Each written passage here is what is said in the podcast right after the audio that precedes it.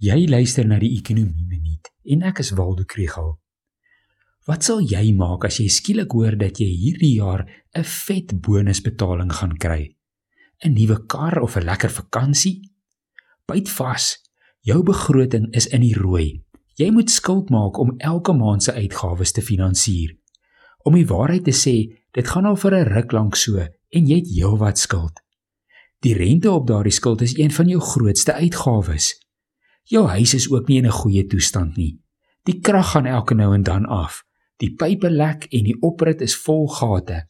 Die plek is lanklaas geverf en jy het nou die dag agtergekom die sekuriteitstelsel werk nie so goed soos wat jy gedink het nie.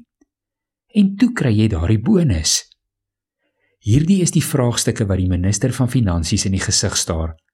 As gevolg van die oplewing van kommoditeitsuitvoer, lyk dit of die regering 100 miljard rand meer belastinginkomste gaan kry as waarvoor hulle begroot het.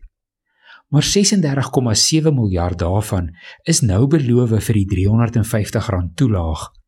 En die staat se loonooreenkoms het toe 'n ekstra 18 miljard rand gekos. Nog so 7,15 miljard is deel van die pakket om huishoudings en ondernemings te ondersteun na die vlak 4 inperking en onluste in KwaZulu-Natal en Gauteng. En dan kan mens die lys begin maak van al die ander behoeftes. 'n 100 miljard is dalk nie so baie nie.